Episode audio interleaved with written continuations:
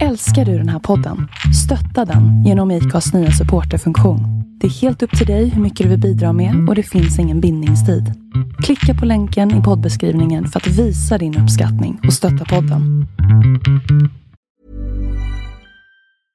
Jewelry isn't a gift you give just once. It's a way to remind your loved one of a beautiful moment every time they see it. Blue Nile can help you find the gift that says how you feel and says it beautifully with expert guidance and a wide assortment of jewelry of the highest quality at the best price. Go to BlueNile.com and experience the convenience of shopping Blue Nile, the original online jeweler since 1999. That's BlueNile.com to find the perfect jewelry gift for any occasion. BlueNile.com.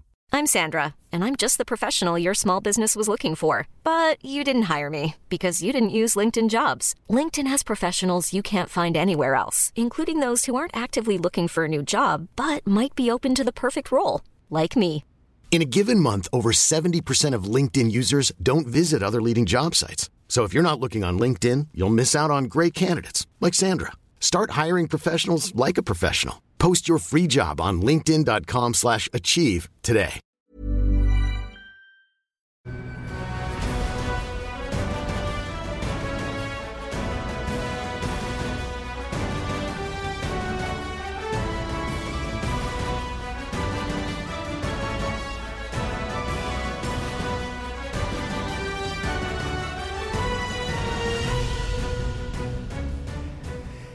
Nu kör vi! Ny MotoGP-podd. Äntligen eh, så närmar sig en ny racinghelg. Det har ju varit mycket racing, Andreas, senaste helgen. Jag vet att du är ju faktiskt lite, lite bilfan också. Visst har du hängt på framför TV-burken i helgen? Eh, ja men i söndags var man ju tvungen att titta. Det det finns ju jättemånga roliga saker på Viasat Motor. Det var ju både Monacos Grand Prix och det var ju Indy 500 och eh, TVn fick stå på. Skönt, skönt att höra. Är det bra? Var det, var det en bra söndag? Det, ja, och så röstade jag också, ska inte förglömmas. Jag tog en litet break där när det ändå var rödflagg i Indy 500 och sprang och, och röstade. Men ehm, det var en bra söndag. Mm, Hur är det, det själv?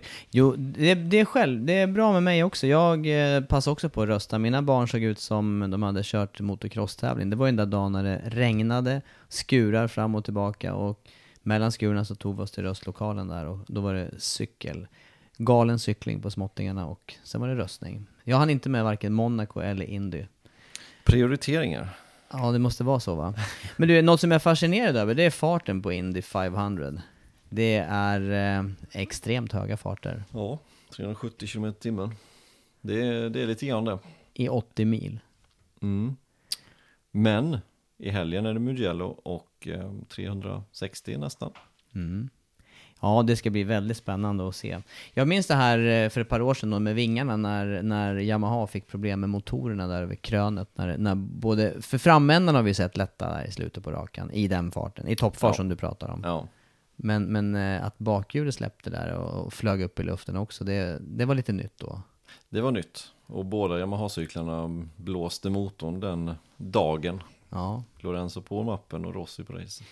Ja det, är- det är bara några få dagar bort och vi ska ju dit dessutom. Det, det känns extra roligt. Alltså det är ju en perfekt månad här nu. Vi ska på tre raka race. Det ska ju bli helt eh, fantastiskt roligt. Riktigt kul. Ja. Jag ser fram emot det.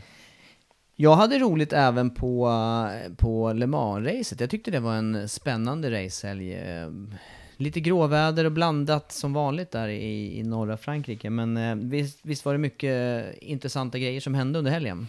Eh, det var det. Eh, ha, har du sett eh, bild, stillbilderna från Marquez räddning? Ja, det har jag faktiskt gjort. Hur är det möjligt? Jag vet inte. Vi, vi reagerade ju i sändning där på hur han lyckades där och kanske inte reagerat tillräckligt mycket men ja, han gör ju de här grejerna. Jag fattar faktiskt inte heller hur det är möjligt. Hur kan, hur kan hjulen vara nästan i luften och han får tillbaka greppet på dem? Nej, jag, Det är jag du som begriper- expert. Det är du som ska kunna Ja, svara just på det det. här. Nej, man kan inte säga flyt heller för att um, ja, det är inte första gången. Men han tyckte ju själv att det här var hans bästa räddning någonsin och eh, jag är beredd att hålla med faktiskt.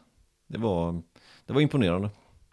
Men det är ju lite, lite flyt är det ju, det går ju inte att säga annat. Nej, lite flyt, men han är samtidigt, han är på sidan på hojen, han ligger nära asfalten och han är, han är beredd att trycka på något vis innan det sker. Det är ju nästan så att det, det, det, det som var grejen med den incidenten, det var ju att bara tio minuter tidigare så hade hans teamkompis gjort exakt samma sak, fast gått omkull. Ja, han gick ju omkull lätt. Ja, det var ju två studs så var han omkull. Ja, Eh, och Marcus gör det här tio minuter senare och fixar det. Eh, det är ju det som också är, ja, talande exempel. Nu ska Mm. man inte säga Jo, så men det kanske. är det faktiskt. Ja. Mm. Ja, det är det också det som är värt att, att följa alla sändningar, för det här var ju inledningen på helgen. Vi var, undrar om inte det var till och med FP1 va? Jo, visst, Visst var det så? det? Ja, jajamensan. Ja. Det var det. Det är klart man måste följa alla sändningar. Det är ju självklart. Eller? Jo, det, så är det ju faktiskt. Har man tid och möjlighet så gör man ju det. Eller kollar eftersänt. Man kan ju göra det. Så vi gör lite reklam för det också. Ja. 48 timmar kan man ju titta på Viaplay, det är superbra. Och då kan man spola också, det tycker jag är bra. Mm. När jag tittar på hockeymatcher så tittar jag alltid i efterhand, för då kan man spola förbi alla avblåsningar, det är lysande. Ska jag berätta faktiskt vad jag såg i söndags, apropå det? Jag såg en period hockey. Jag såg Jaha, sista, jag såg, det var, visst var det final i VM då? Det måste ha varit Mm, söndags. Ja, jag stämmer. såg sista där. Finland, Kanada. Och lite på andra också. Ja, nästan längsta jag sett på hockey. Sammanhängande. Och hur kunde Finland vinna då? Ja, det, var, det? det, fattar jag också att det var, det fattar jag också att det var något som inte var väntat. Slå ut Sverige, Ryssland och Kanada i kvart semifinal. Nej, jag, jag har inte riktigt fattat det än. Nej, de gjorde ju en enorm avslutningsperiod med, med off- uppoffrande och slängde sig och det var ju, ja det var, det var Och en målchans, den Ja. satte de. Så Vet kan du- det vara. Ja, ja, ja. Två Ja, det var- målchanser, de satte båda.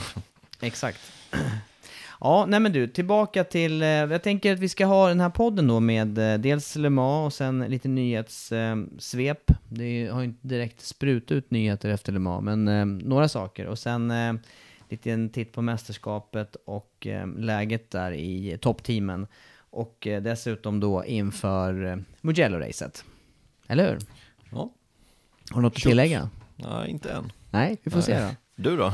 Nej, jag tänker att vi måste ju börja där vi slutade med, med Le Mans just. Och eh, extremt jämnt mästerskap in till den helgen. Det kan vi konstatera. Det var det ju. Det var ju fyra personer, eller fyra förare inom eh, nio poäng. Eh, så det var ju extremt tajt. Sen eh, gjorde ju vissa förare bort sig lite här, så jag tänker på Rins till exempel. Ingen bra helg för hans del. Och eh, det har man ju inte råd med riktigt att göra sådana helger om man ska vara en mästerskapskandidat. Nej, han tappade alltså från en poäng bakom Marcus inför det racet till eh, 20 be- bakom. Ja, precis. Det, det var en stor poängförlust. Och det, det var ju mycket kvalet. Mycket var ju kvalet.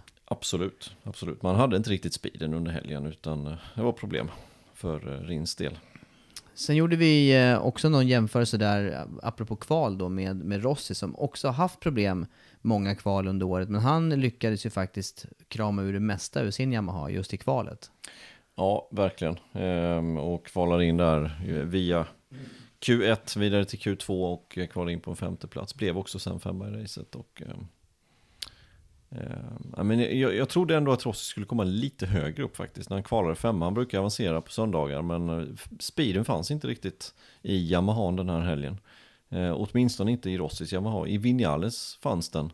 Men han gjorde ju tvärtom mot, eh, mot, Ross, mot vad Rossi gjorde då, dåligt kval istället. Mm. Och det, och det straffas ju illa i racet, för han hamnade ju på ett ställe i racet där han inte borde ha varit och drog som kull igen. Andra racet för säsongen som han dras med i en krasch då. Nu var det Banjaya som, som gled omkull och tog med sig Vinales.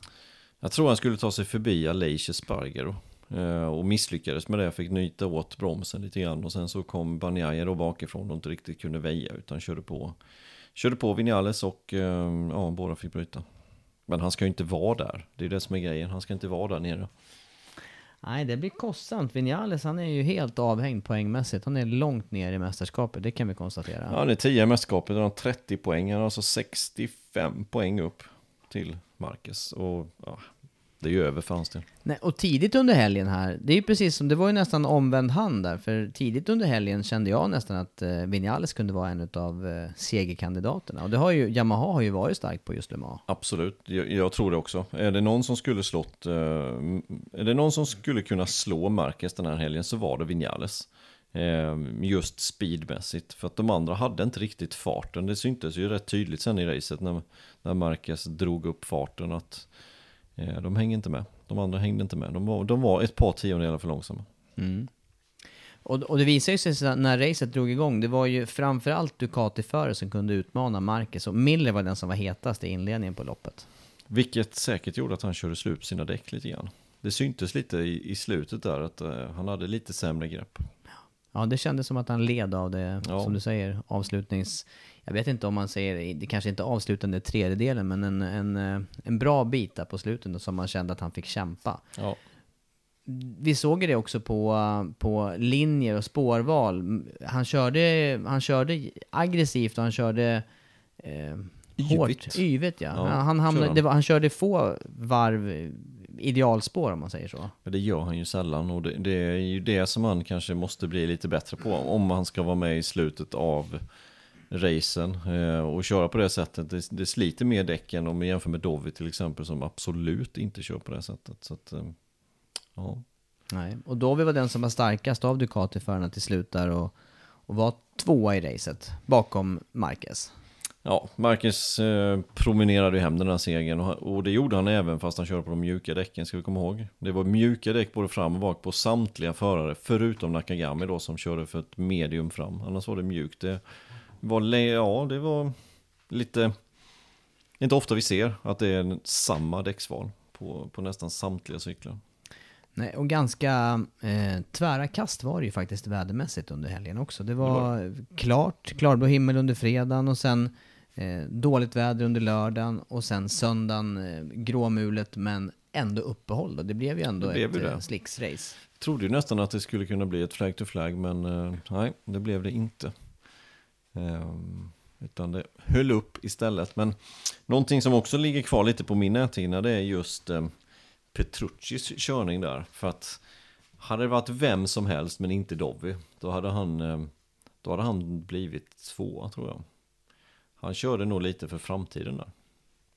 Ja, och eh, Petrucci är ju, känns det som att han har verkligen kniven på strupen den här säsongen och, och lite uttalat att ja, Miller har verkligen eh, chans på den fabriksstyrningen. Petrucci har det här årskontraktet.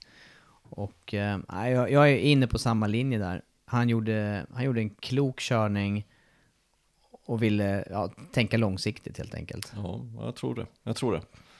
Det var nog bra. Eh, hade han däremot gjort en eh, som eh, en enonne, då hade ja, kanske han, hans dagar varit räknade hos Ducati. Men du, egentligen, egentligen tycker jag att det här halkar in på ett av eh, nyhetsämnena också. För att vi har, vi har ju en, eh, en eh, kamp dem emellan som, som plötsligt håller på att bli uttalad nu även från Ducatis sida. Just Ja. kring den här fabriksstyrningen. Ja, verkligen. Eh, Efter Barcelona säger de att det ska komma ett besked, eller inte tidigare än Barcelona, vilket är två racehelger bort. Eh, Efter det så kanske de första rapporterna kommer från vilket håll det lutar. För det är ju som sagt ett årskontrakt på Petrucci, ett årskontrakt på Jack Miller. Tittar vi Och- poängmässigt på dem i mästerskapen nu så är ju ändå Petrucci den som, som har samlat mest poäng. Han är 38 poäng efter, eh, efter Marquez och då är Miller 53 bakom. Så det är alltså 15 poäng dem emellan.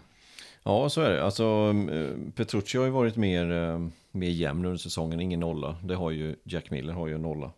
Eh, den kom ju senast i, i Spanien och det är dåligt kval där också. Men det, det som är grejen med hela det här det är ju de skulle lika väl kunna fortsätta som de gör. Alltså Petrucci i fabriksteamet. För att vi ska komma ihåg att alla kontrakten går ut efter 2020. De andra fabriksförarna. Det är inte många kontrakt som tar slut efter den här säsongen. Förutom då Miller och Petrucci. Det är ju de stora namnen som, som inte har något kontrakt till, till eh, 2020. Och det som rör till det här det är ju att Banjaya är ju anställd av Ducati. Han har ju kontrakt med Ducati. Han kör i Pramac-teamet på en generation äldre cykel den här säsongen. På GP18. Eh, och till nästa år så är han ju lovad att få en GP20. Och det är ju det som är problemet här. Hur ska de, hur ska de göra där? För då är det ju tanken egentligen att Banjaya ska ta Millers nuvarande styrning. Eh, och då är ju problemet Petrucci eller Miller. Eller andra alternativet är ju att Pramac då uppdatera så att de har två stycken likadana cyklar, alltså årshojar båda två. Så att det egentligen blir mer likt som, eh, som Yamaha har nu då i, eh, med, med Petronas-teamet till exempel. Ja, till exempel, ja, precis. Men, men eh, det finns ju ett par jokrar tycker jag i det här också. Det, dels är det ju Bautista. Men Ja, jag, och- vet inte och om det- han, jag vet inte om han är ens, eh, om, om han är ens en joker som skulle kunna vara aktuell tillbaka. Nej, alltså vi pratade om det här för en podd eh, tidigare här under eh, våren, vintern nästan. Eh, efter hans första segrar där i Phillip Island, Bautista just. Och eh, jag kan inte se riktigt att 32 år gammal kommer tillbaka till MotoGP. Jag kan inte se det riktigt faktiskt. Eh, jag, jag tror hellre att Ducati betalar honom mer pengar för att köra kvar det han gör och dominera det mästerskapet. För jag tror att de har mycket mer nytta av att vinna där än att plocka över Bautista och göra halvdana resultat som han har gjort redan i ja, så många säsonger som han nu körde, 7, 8, 9 någonting sånt i MotoGP. Nej, visst, det, det ligger någonting i det. Men samtidigt så gjorde han ju också den här inhoppet på Lorenzos Ducati på Phillip Island och gjorde en kanonhelg där ju. Absolut, men jag tror fortfarande inte att värva Bautista till fabriksteamet då, då, då ska de ju i sådana fall göra det för att utmana Marquez. Om man nu då, eller utmana, utmana om segern, om titeln.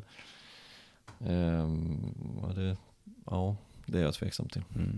Men något som också har ryktats den här perioden, det är ju annars Alex Marquez. Alex Marquez koppling till Ducati, vad är det? Är den en, är, finns den ens?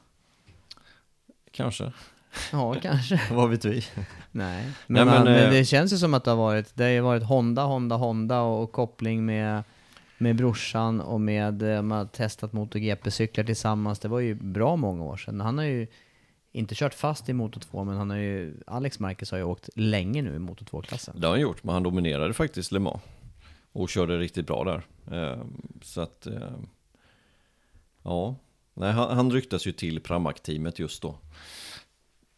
Till den styrningen och eh, det ska bli intressant att se vad som händer egentligen. Och, och ryktet egentligen är egentligen bara ett samtal mellan Alsamora och teamchefen där i Pramac. Så att hur allvarligt det ryktet är, ja, det får vi väl se helt enkelt. Men eh, alltså det hade ju, ja, hade man varit Ducati-chef, alltså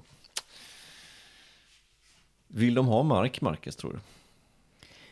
Eh, det här kom lite förvånande, överraskande. Eh, Mark Marquez, ja, det är frågan, det, alla vill ju ha en världsmästare, känns det som. Det känns ju som att det skulle kunna vara, eh, det, det känns som att det kan vara Mark Marquez marknad om man säger så då. Om Det är så många förändringar som är på gång där inför säsongen 2021. Precis, och, och det är det jag tänker. Det kanske är ett smart drag att erbjuda brorsan en styrning i Ducati. För att sen locka över storebrorsan som man kanske egentligen eh, har siktet inställt på. För att ha någonting att dra med, eller för att ha någonting att... Eh, Ja, något extra liksom. ja, Att, eh, att prestera Alex Marquez bra så finns den i andra styrningen jämte dig tillgänglig i Fabriks Ducati. Kanske skulle locka just de två tillsammans. De gör ju mycket tillsammans och har gjort mycket tillsammans genom åren åkmässigt och verkar ju, verkar ju ha väldigt täta band med varandra i alla fall. Visst, visst. Ja, kanske. Ja, det, det blir ju extremt intressant att se vad Mark Marquez ska göra till 2021. Ja, det är ju klart att eh, den, den tanken har ju slagit mig också. Nu har han vunnit x antal titlar och det, vi vet ju inte om det blir någon ytterligare här eller två ytterligare. Nej, men han har ju han har fem just nu. Skulle mycket väl kunna ta sin sjätte i år, sjunde nästa år i så fall. Nu går vi händelserna väldigt mycket i förväg, men ändå. Vad finns det att bevisa med hos Honda? Nej, inget egentligen. Nej, det gör ju inte det. Eh, Och frågan är ju om han får en sån stor lönecheck som att han nöjer sig med att vara hos Honda och liksom livet rullar på. Eller om han då vill, ja, Som Stopp. andra toppförare visar att de kan Ja, exakt. Stoppa också. ner den där liksom, eh, pennan i halsen på de andra. Att, att jag kan också prestera på annat fabrikat. Ja. ja, helt klart är i alla fall att han visade något, något eh, han visar ju vilket fortsatt världsmästarämne han är tycker jag helgen på Le Mans där, genom, genom insatsen och genom att, ja, han körde ju ifrån alla helt enkelt. Du menar Mark? Nu menar jag Mark Marquez. Ja. ja hade du Att han är ett världsmästarämne efter sju titlar? Nej ja, jo, men jag alltså fortsatt, fortsatt världsmästarämne med det. ja men alltså, ja det var, det var kanske Ja, men man, oklart Ja, uttryck. men det är faktiskt så. Man, man pratar ju lite om honom som fortfarande att det vore 2014 och att det är hans Up andra säsong. Ja, men lite så. Det har gått- det har gått fort. Ja, men alltså han har fem VM-titlar. Ja, ja. Ja, och leder mästerskapet. Just nu då med åtta poäng. Och ett världsmästarämne. Ja. Nej men som sagt, tillbaka till det där Alex Marquez, Pramac. Jag tror inte att det är en helt dum tanke från Ducke faktiskt. Jag tror inte det. Nej, spännande onekligen. För att vem vet vad som händer med Dovi efter, efter nästa säsong. Han bör ju också bli till åren kommen så att säga. Det är inte alls säkert att han fortsätter heller. Han är väl den som, när man hör ryktena och sådär, alltså kan, ska han verkligen fortsätta? Ja, han känns som att det är lite Samtidigt så känns ju han lika bra eller så bra som han någonsin har varit just nu, fortsatt. Ja, absolut. Det, så är det ju. Så är det ju. Men det krävs ju något extra såklart. Men han känns inte på den samma liksom att han måste köra mot GP hela tiden som kanske Rossi liksom sådär för att han tycker att det är satans kul att köra. Nej. Utan han känns mer som att nu ska han köra bil här om näst, nästa helg. Splittra sig som vi pratade om förra gången. Ja exakt. Nu ska han köra det här bilracet då på Misano. Jag såg att han testade lite tillsammans med, eh, med Audi här och Mattias Ekström var hans coach tydligen här. Han testade i, i helgen här och eh, ja. Hade det sett lovande ut? Jag såg inga tider men jag såg när han körde runt där. Det såg ju så bra ut men ja, som sagt någon tiondel hit och dit kan ju avgöra det där och det kan man ju inte se med ögat. Nej. Nej, nej, men det ska bli väldigt intressant just det här att, att kontrakten ligger så jämnt i tid så att de går ut samtidigt och det blir ju som sagt var några få rockader kom, till kommande säsong men sen blir den stora eh, ja. stora förändringarna kommer ju att ske och, och menar tittar vi tillbaka bara något år eller två här så, så har vi också sett hur tidigt kontrakten skrivs så att man kan ju förvänta sig eh, ganska snart efter den här säsongen så borde de ligga i startgroparna mm. för att presentera Ja, ett och ett halvt år bort. Jajamensan. Kolla på Vinales till exempel. Han signade väl i januari, februari någonting sånt där. Förra året. Det vill säga att han borde göra något liknande nu då till den här säsongen. Eller det börjar dra igång då åtminstone. Mm. Just nu är inte hans aktier så starka. Nej, de är, de är svaga. Mm, kan undra vad han ska hitta på. Mm. Faktiskt. Om Yamaha är intresserade. Ja, och vi har ju inte pratat klart om Le Mans tycker jag riktigt heller. För att där, vi har pratat om toppen nu med Marcus, vi har pratat om Ducati-förarna med, med Dovi och Petrucci då på pallen. Miller bakom. Rossi som räddar lite poäng. Men sen var det ju faktiskt, eh, det var ju storslagen insats utav KTM under hela helgen. Paul Sparger där med sin sjätteplats, det var extremt bra. Han var ju med hela helgen också och körde jättebra. Eh, men som sagt, man ser ju det lite. Det, det, några toppresultat och sen är det lite tillbaka. Så jag vill se att de, de liksom håller sig på den här nivån nu. Eh, det ska bli intressant, väldigt intressant att se helgen här nu på Mugello som är en liten annan typ av bana då än vad eh, Le Mans är. Men visst var det så? Sex sekunder någonstans till, eh, till ja, Marcus? Ja. Differens efter extremt ett helt race? Bra. Ja, extremt bra. Det är extremt bra. sen vet ju inte vi ifall det var bara den här kolfibersvingen som gjorde det där, men ja, men vi... Det var ju det man kunde se åtminstone. Ja. Sen är det säkert andra förändringar också och det gjorde ju inte den nyttan på Sarko. Nej. Nej. Nej, stark insats av, av KTM. Och, och sen fortsatt också stark och jämn insats av eh, Morbidelli och Cartara. De, de eh, hade lite olika raceutveckling dock, de mm. två förarna. Cartaro som inte kom iväg alls, dåligt kval, kom inte iväg ordentligt och eh, ja, blev åtta till slut. Morbidelli sjua. Eh, nej, men lite missräkning för Kataro där i starten. Där. Eh, men det är också det här kommer med erfarenheten. Han kommer göra bättre. Men han körde ju bra varvtider. Satt han inte snabbast varvtid till och med nu den här racehelgen? Det kanske han gjorde. Jag vet tror att det. det var någon gång det blinkade till på honom. Men, men sen om den stod sig, det vet jag inte. Ja, jag tror faktiskt att den stod sig. Eh, väldigt imponerande. Det var inte första gången heller den här säsongen. Han hade ju även i Qatar om inte jag missminner mig. Första racet där han eh, körde som en vettvilling där inledningsvis efter fått...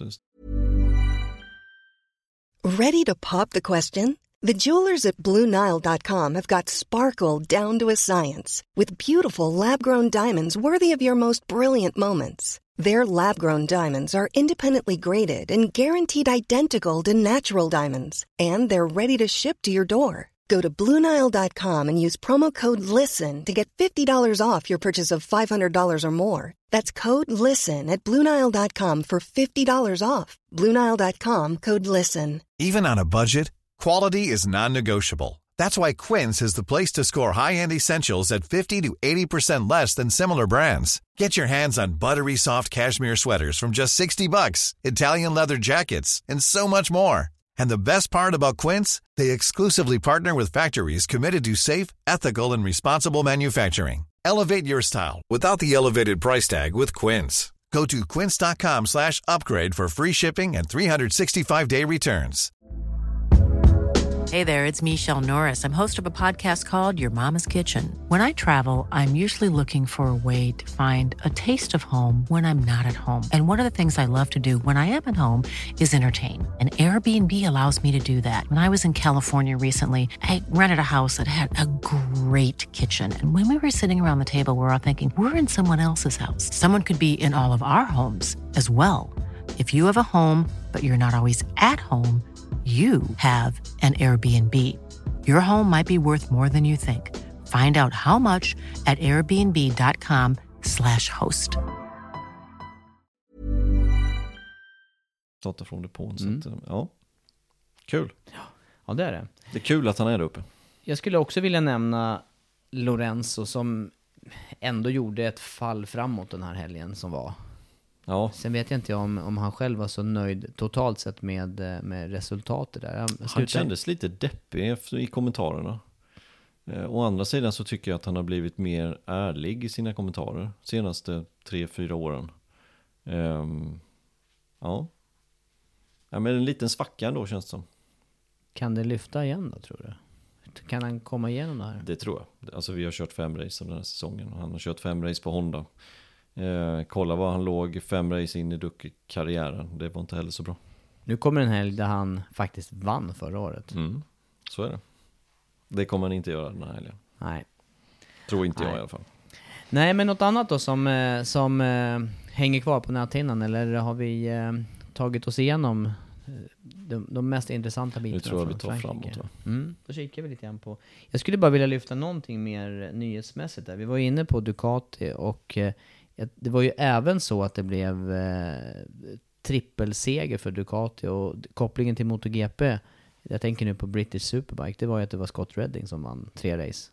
De kör tre race på en helg alltså. Ja, Det var på Donington i alla fall så jag. Och att han hade fått wildcard till Superbike-VM på Donington, så jag också. Men han är tillbaka i täten alltså och tre racevinster där. Imponerande då.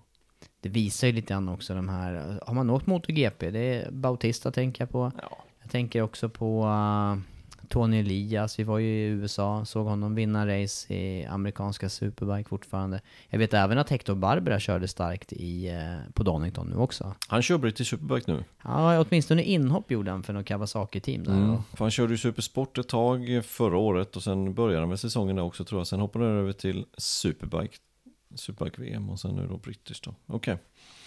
Ja, nej, men han är också en duktig förare. Varit med i täten i många år. Och det, verkar, det, det håller ju i sig, de, de står ju sig Ja. i konkurrensen i stora nationella mästerskap. Det gör de ju. Absolut. Ja, det är om detta. Men eh, ytterligare sak då som har, eh, som har pratats om och som också ligger lite i startgroparna framåt här, det handlar ju om nya banor också på kalendern. Eh, och eh, det finns ett antal nya, eller nygamla banor som det pratas om. Och helt nya och stör, mest intresse egentligen för, för nordiskt intresse, det är ju, det är ju Finland. Mm. Det hoppas vi blir av. Det är ju, det är ju, planen är ju att det ska vara test där i augusti månad. Hoppas att det blir av. Jag har inte hört speciellt många rapporter om hur det, hur det går egentligen. Ute på Kymering. men jag såg någon bild här men jag är inte helt säker på att den är så jättefärsk. Men då hade de en bit kvar i alla fall innan det är redo för testing. Men det är ju i alla fall en, eh, en bana som, eh, ja, Den är ju bekräftad till nästkommande säsong helt enkelt. Eh, och de har ju ett kontrakt på att det ska vara maximalt 20 banor till 2022. Sen får vi se vad som händer efter det. Eh, Indonesien kommer ju till, var det 2021? Som eh, Lombok, heter den mm. eller Lombok. Lombok. Lombok. så? Eh, den kommer till 2021, då har de ju faktiskt 21 race, så då måste ju något eh, ryka här. Vilket är det som är på... Vi har, ju, Men- vi har ju pratat om de här. Spanien-racen. Vi har gjort det. Men Det det, bör- senaste som ryktas om det är ju att Bruno då, men den har ju också ryktats om flera gånger förr. Eh, att den i så fall ska försvinna. Faciliteterna och banan har ju lite övrigt och, och den har ju en del att uppdatera om man säger så. Men sen Det är publikmässigt... svensk standard. Ja, faktiskt. Men publikmässigt är den ju årligen en av de större eventen där. Ja, det är det. Det, är det. Ett utav de, ja, precis som du säger, ett av de större, kanske till och med det större, ett utav de största. Mm. Eh, det är det. Och det är bra stämning och det är en bra bana, omtyckt bana av eh, de flesta förarna. Eh, Det ligger en bra tid på året där i början på augusti. Efter sommaruppehållet brukar det liksom kicka igång alltid i Brunora. Så att, tråkigt på något sätt om den skulle stå utanför, tycker jag. Ja, jag tänker samtidigt här med, eh, med de här banorna som är på gång då, med Finland, In- Indonesien. Eh, Sen är det ju eh, även snack om ombyggnad eller modifiering och ökad säkerhet i Belgien på spa. Hur ska det gå till då? Du som har kört där, hur ska det gå till? Nej, jag tänker ju att det där är svårt. Det måste man ju på något vis mejsla ut i, i bergssidorna, höll jag på att säga. För vissa, vissa delar där går verkligen inte att... Det går, det gör Ja, det var ju men- extremt mycket pengar de skulle plöja ner i det där projektet också för att få, till att börja med då, Endurance-VM var det väl ett snack om. Mm, ja. Och i senare del också MotoGP. Ja, jag vet inte. Det är en häftig bana att köra, det är en häftig bana att eh, se race på, men eh, just säkerheten där, ja... Nej, du ska inte krascha. nej, på flera ställen ska man inte göra det, Nej. faktiskt. Så att, eh, ja... Jag, hoppas på det. Jag hoppas på att de eh, plöjer ner en jäkla massa miljarder och får ordning på den här banan. Det hade varit fränt att se. Men frågan är hur mycket fokus det kommer vara på Europa-race då framåt, för vi har ju även eh, snack om Mexiko vet jag. Ja, det har vi. Sen hur, eh, hur eh, mycket realitet det är i det, det vet inte jag heller riktigt. Det är väl inte heller så säker bana om man säger. Nej, inte när man tittar på Formel 1. För det är väl samma bana som de har tänkt där. Och eh, då finns det ju lite förbättringar att göra där också. Så är det ju. Eh, nej, men det, det, det är precis som F1. Det går ju lite också ifrån just innan var det Europa. Och det, det kommer ju lite överallt. Och det är inte så konstigt heller. Indonesien, 258 miljoner invånare. Något sånt eh, där, 260. Ja, ja, det var något sånt. Vi kikar ju på det där. Det är ju inte så jättekonstigt att man vill in på en sån marknad. Men samtidigt så finns det många existerande banor som har säkerhetsproblem också. Vi, jag vet att vi pratade om det en hel del Ja. under Jerez-helgen. Eh, kurva 10, var det så? Mm, stämmer. Där bland annat Crutchlow gick av. Nära till Ja. eh, luftkuddar, nära till eh, räcke och så vidare. Sachsenring ska vi också komma ihåg. Ja. De har ju dock ett nytt kontrakt vad jag har förstått det som. Just Sachsenring, det hängde ju på vippen att det inte skulle bli någonting mer där, men eh, tydligen så är det säkrat då. Det är Ehm, fortsatt race i industriområdet där alltså. Så blir det. Det är ju himla, det är himla annorlunda inramning Ja, det här är det faktiskt. Det är lite märkligt. eh, Den ligger lite märkligt till kan man säga, Sachsenring. Ja, och, och samtidigt väldigt vackert i landskapet där. Så det är ju, det är ju, och, och hä- häftig sträckning är det ju, men jag vet inte heller... Och klassisk mark. Ja, det är det. Det är klassisk mark. Gammal landsvägsbana där i, i trakterna också. Ja, men eh, om du själv då får eh, önska, om man säger, vad, eh, vad skulle du helst se här utav föränd- Skulle du vilja ha bort någon och vem, vem och vad ska i så fall ersätta? Nej, jag tycker det är rätt bra som det är faktiskt. Eh, spa, här, visst hade det varit kul att köra på spa. Ehm, klassiska banor, jag tycker om klassiska banor. Jag är inte så jätteförtjust ändå i nya banor, men vissa av dem ju lyckas bättre med än andra kan jag tycka. Som Texas tycker jag om, bland annat. Mm. Men det finns ju några av de här banorna som har byggt för F1 som ser väldigt, väldigt tråkiga ut. Som, som jag tror inte heller skulle passa för motorcyklar. Nej, exakt. Nej, det, tror- det håller jag med om. Ja, Jag är också svag för de här klassiska och vi kommer ju till en nu den här helgen redan. Så att, Kanske den- den, och den- klassiska och klassiska banor. Ja, och den är ju i princip helt oförändrad. Och det, blir, Ja. det, är något, det är något speciellt med de här banorna. De, är, de ligger ofta eh, i, naturligt i... De, De är dragna, de är dragna efter naturen och inte efter någon passare och linjal och diametrar och så. Ja. Eh, jag tycker kanske att det finns något undantag på det här när det gäller nybyggda banor och det är Argentina då möjligtvis som, som i alla fall eh, Även om det ligger lite sådär platt och utspritt så är den ändå det, det är något flow i hela banan tycker jag. Förutom sista sväng då. Just det. Ja, Nej men jag, jag håller också spa högt som, som racingbana såklart. Eh, men sen då säkerhetsmässigt så måste man ju kolla det. Det ska ju vara banor, det får ju följa med säkerhetsmässigt. Det De måste banor ju som det. används. det måste ju det. Och då, då faller ofta de klassiska banorna tyvärr, för de är inte byggda för dagens hastigheter. Och så tycker jag även att det här med, eh, det går inte att expandera det här mästerskapet så mycket mer. Jag tycker man märker det på folk i depån. Om jämför det som vi är inne nu på Formel 1 till exempel. Jag vet att de, till exempel splittar teamen lite grann. Att man inte, det är inte samma team som är på alla race runt hela världen. Men, men här är det faktiskt samma personer som, som är på alla. Jag tror dock att det kommer bli fler race. Jag tror det. Det finns ju en aspekt till det här med, med förare och skador och tid på hojen och tid att läka. Jag vet inte, jag blev lite förvånad i år när jag såg kalendern. Nu är det återigen ett vettigt sommaruppehåll, men förra året var det knappt något sommaruppehåll. Nej, det var det inte. Men jag tror, jag tror ändå att det kommer dras emot en 22 race till slut. Så kanske de får backa ner till 21 någonstans, men någonstans där 21-22 och sen eh, att man kör mer eh, utanför Europa lite tidigare på säsongen och lite senare på säsongen. Nu kör man ju väldigt sent på säsongen då utomlands, eller utanför Europa. Men även eh, några till overseas innan Europasäsongen drar igång. Ja, Ja, det återstår att se. Det återstår att se. Du, om vi ska blicka framåt nu då mot eh, närmsta helgen. blir Det ska bli kika. kul. Ja, det Florens. bli kul. En klassisk bana som vi nämner. mm. Klassisk stad. Ja, det är det verkligen. Har du någon historia på den här stan till och med? Dålig på historia. Jag skulle säga nu då, utan att vara hundraprocentigt säker, att det här var den, den största, rikaste staden på kanske på 11-1200-talet i Europa. Sådana här bankfamiljer och ja, det var det var da shit på 1200-talet tror jag, att bo i Florens. Mm. Och, och dessutom tillhöra rätt släkt. Då var man mäktigast i Europa. Men Det låter inte dåligt. Nej, jag tror att det var så. Ja. Åt det hållet. Sen var det ju även det här med, eller jag tycker också, det är häftigt och, och, och banan är belägen så vackert det bara går i landskapet. Och stan som du säger också då, med massa historia och stora byggnader och en jätte eh, mitt i stan där med, eh, ja, som, som är fantastisk att, att, att, att se bara.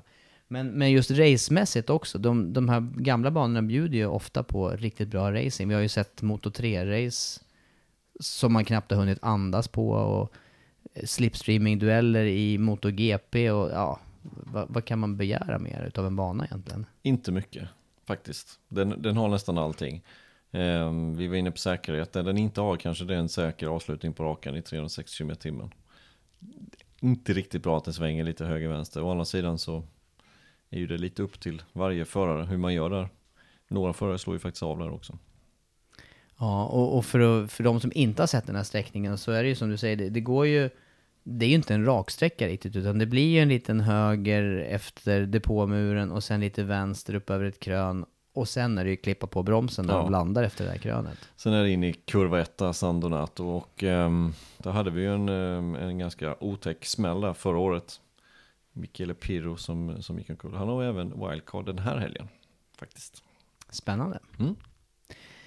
Eh, och mästerskapsmässigt då? Marcus eh, tog lite mer grepp om mästerskapet, 8 poäng ledning över Dovi och sen är det 20 till Rins, 23 till Rossi. Det är alltså fyra förare nu som är inom ett race poängmässigt. Eh, vad, vad säger du om styrkeförhållandena här då mellan eh, Ducati, Honda, Yamaha, kanske Suzuki och sen har vi även sett då faktiskt KTM nu då, en, en bra bit upp också. Mm.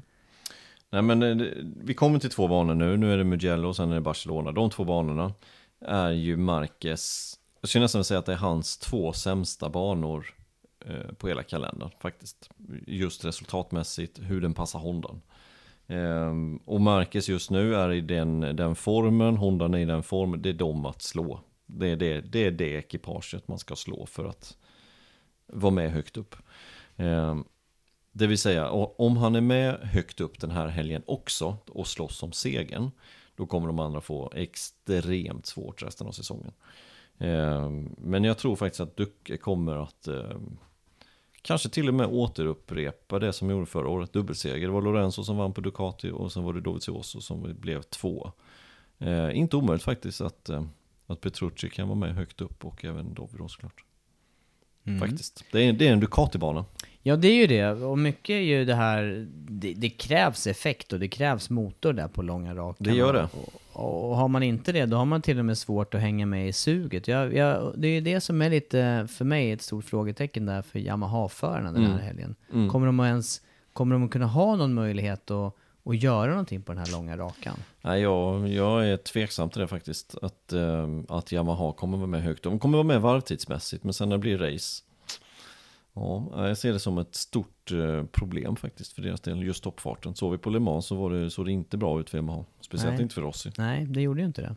Och även eh, med tanke på hur, hur eh, mållinjen ligger på raksträckande så är det en bit bort att accelerera. Och då, det spelar ingen roll hur bra man har kört i de andra kurvpartierna då. Nej. Lite Nej. som vi såg, eh, du, jag tycker du var inne på det där också när vi tittade på, eh, det var väl till exempel Argentina vi började snacka om det där va? Då var det ju Dovi som var stark på, på långrakan där och sen så hade han problem på de övriga partierna. Mm. Så att, eh, nej, och, och för Mugello där, då är, det, då är det ju just rakan där som är rätt avgörande ändå. Ja, I race-situation. ja, i race-situation. Precis. Eh, sen kommer vi till en bana som inte är lika eh, utmanande på wheelies och sådana här saker. För i och med att det är en ganska snabb bana så växlar man ju upp cyklarna ganska rejält. Så att eh, det, just vingarna och aerodynamiken på det sättet kommer inte få lika stor betydelse. Kanske inte hela de här paketen heller på alla. Eller? Det kanske de är så Ehm. inkörda med nu så att man, man det, kan, det kanske inte påverkar toppfarten så mycket så att man... Nej, och alla har ju också vingar på sina cyklar. Man får inte ta bort vingarna i år, det fick man göra förra året. Utan nu måste de sitta på om man inte har homologiserat någonting annat också. Eh, och det tror jag inte man gör utan vingar, utan då gör man en uppdatering i så fall på vingarna. Så att vingarna kommer vara på, men, men mm, jag tror inte det är lika avgörande. Helt enkelt. Däcken då, hur avgörande blir det då? Om du nämnde till exempel Miller där och hans kanske ännu så länge då bristande förmåga att hålla liv i däcken här. Här är det ju höga farter då istället som kan Mm. ställa till det. Men, men min erfarenhet med just däckslitage det är just när det är de här eh, hårda accelerationerna ut att det är det som sliter mycket däck från fullt nedlägg. Man, man lyfter upp hojen lite grann och sen matar man på mycket effekt. Här har man ju med sig farten hela tiden. Eh, vilket gör att jag tror inte att däckslitaget på det sättet kommer heller få den avgörande betydelsen. Det är min känsla. Nej, det, blir, nej, det är jättesvårt att säga, men det Mm. kanske är som du är inne på där med start och stopp mer, att det är det, det som verkligen tar, tar musten ur däcken. Mm, exakt. Sen beror det också på raceutvecklingar med eh, hur mycket omkörningar och var de här omkörningarna blir och så vidare. Då. Men eh, har, man, har man rätt cykel här, det vill säga kanske Ducati då på den här banan, då, då kan man göra mycket av det här på raksträckorna. Förhoppningsvis. Ja, exakt. Ja, det ska bli väldigt spännande att följa Ducati-förarna med, med i alla fall Petrucci och se vad han kan, vad han kan göra.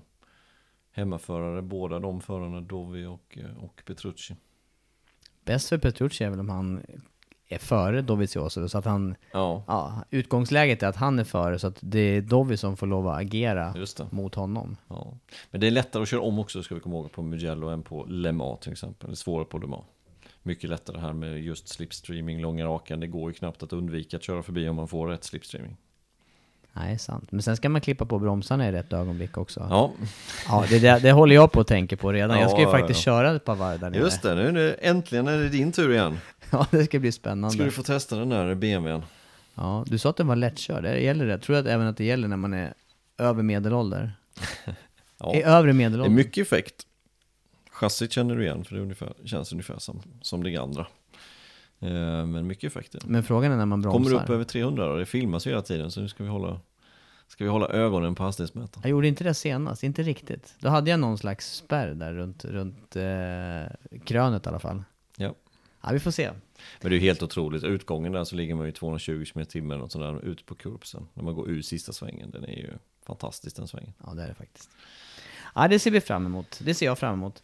Ehm, ja, det kanske inte går att utläsa så mycket mer innan och, med tanke på det vi har sett eh, tidigare under året så, så är ju egentligen det, det är väldigt många förare, det är många fabrikat som, som kan vara inblandade i toppstriden och det måste väl ändå gälla här också. Det är, det kan inte, det är inte bara Ducati som man kan. Nej, absolut inte. Ehm, det ska bli mycket spännande att följa Lorenzo. Han vann här förra året. Han tycker om den här banan. Eh, Som sagt, som du var inne på, han gjorde en förbättring under förra helgen. Kan han fortsätta på det här?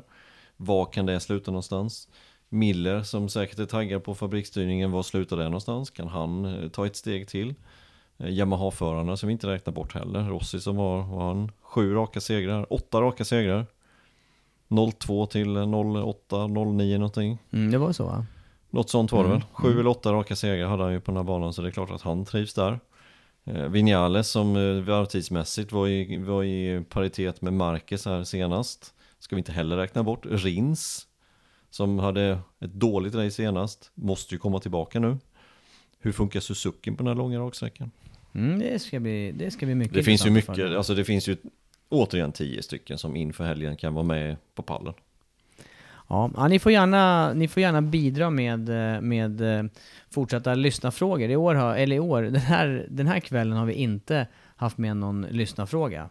Men däremot så kan vi, ju- vill vi att ni fortsätter att mata in funderingar och så, även sånt som vi kan eh, ta reda på på plats. För att vi har ju trots allt eh, eh, möjlighet att göra det, både kommande helg, Barcelona, Assen, eh, ta reda på ytterligare lite mer ifrån insidan. Vad ska vi göra för reportage här då? Vi ska träffa Stigefelt Det ska vi göra. igen, Mm. fylla på Mm. Kunskapsbanken, MotoGP. Det, det blir jättebra. Mm. Har du något annat i bakfickan? Ja, vi, kan, vi kanske håller den lite grann. Men vi ska träffa Stigefelt ska vi göra. Och vi ska, ska göra något reportage om eh, själva banan och inramningen och eh, lite så. Mm. Spännande. Och åka ba- på banan. Du ska åka på banan. Det blir Mm. bra. Jag ska Ja. gå. Ja, det tycker jag. Nu är foten ordentlig igen också, så nu kan jag gå igen. Ja, jag känner mig också ganska hel nu efter... efter jag, jag testade skinnstället nu, jag fick på mig allting utan problem. Jag har haft lite sådär rörelsenedsättning efter, efter Det är bra USA. att det är bra, för att nästa vecka, då är det barndag på Anderstorp. 7 juni. Anmälan har öppnat, även betalningen har öppnat. Ni som har um, förbokat, det vill säga gått in på vår hemsida och förbokat, ni har fått ett mail. Um, se till att slutföra bokningen innan fredag, alltså den 31 maj. Så kan vi Sen hänga stänger sen. den bokningen. Ja, så kan vi hänga där den 7 maj blir det. Eller vad Sjunde säger jag? 7 juni, 7 juni. Nu är, det, 7 nu är det för långt in i... 31 Snacket. maj stänger bokningen så att alla vet det. Eh, Så in och anmäl innan dess. Vi kör. Vi ska vara föråkare. En grupp blir det. Vi kommer vara föråkare tillsammans med några andra. Har du fixat en hoj än? Jag jobbar på det. Jag har, eh, jag har jagat och jagat och har ehm, lite kvar att jaga. Jag hoppas jag har en bra hoj. Ja, Okej. Jag får, köra, jag får köra hem den här BMWn från Italien annars. Ja. Om den är hel, är den hel? Vet vi det? Nej, den kraschade har med den greken kraschade med förra gången. Det har vi inte kollat. Nej, den borde vara hel. Jag hoppas. Fast de hade bara en såg jag senast i Le Mans. Ja, ja. Du, nu avrundar vi kvällens eh, sändning tycker jag. Mm. Och eh, ni är med oss som vanligt. Vi har satt motor, via Play. Hela helgen som kommer från Mugello.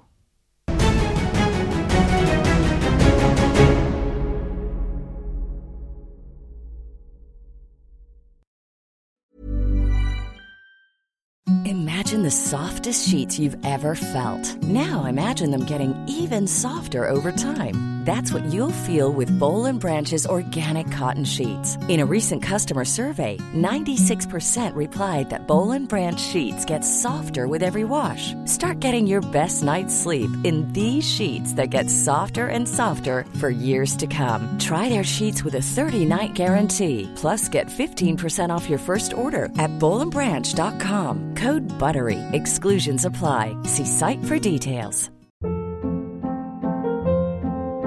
Hold up. What was that? Boring. No flavor. That was as bad as those leftovers you ate all week. Kiki Palmer here, and it's time to say hello to something fresh and guilt-free. Hello Fresh. Jazz up dinner with pecan-crusted chicken or garlic butter shrimp scampi. Now that's music to my mouth. Hello Fresh. Let's get this dinner party started. Discover all the delicious possibilities at hellofresh.com.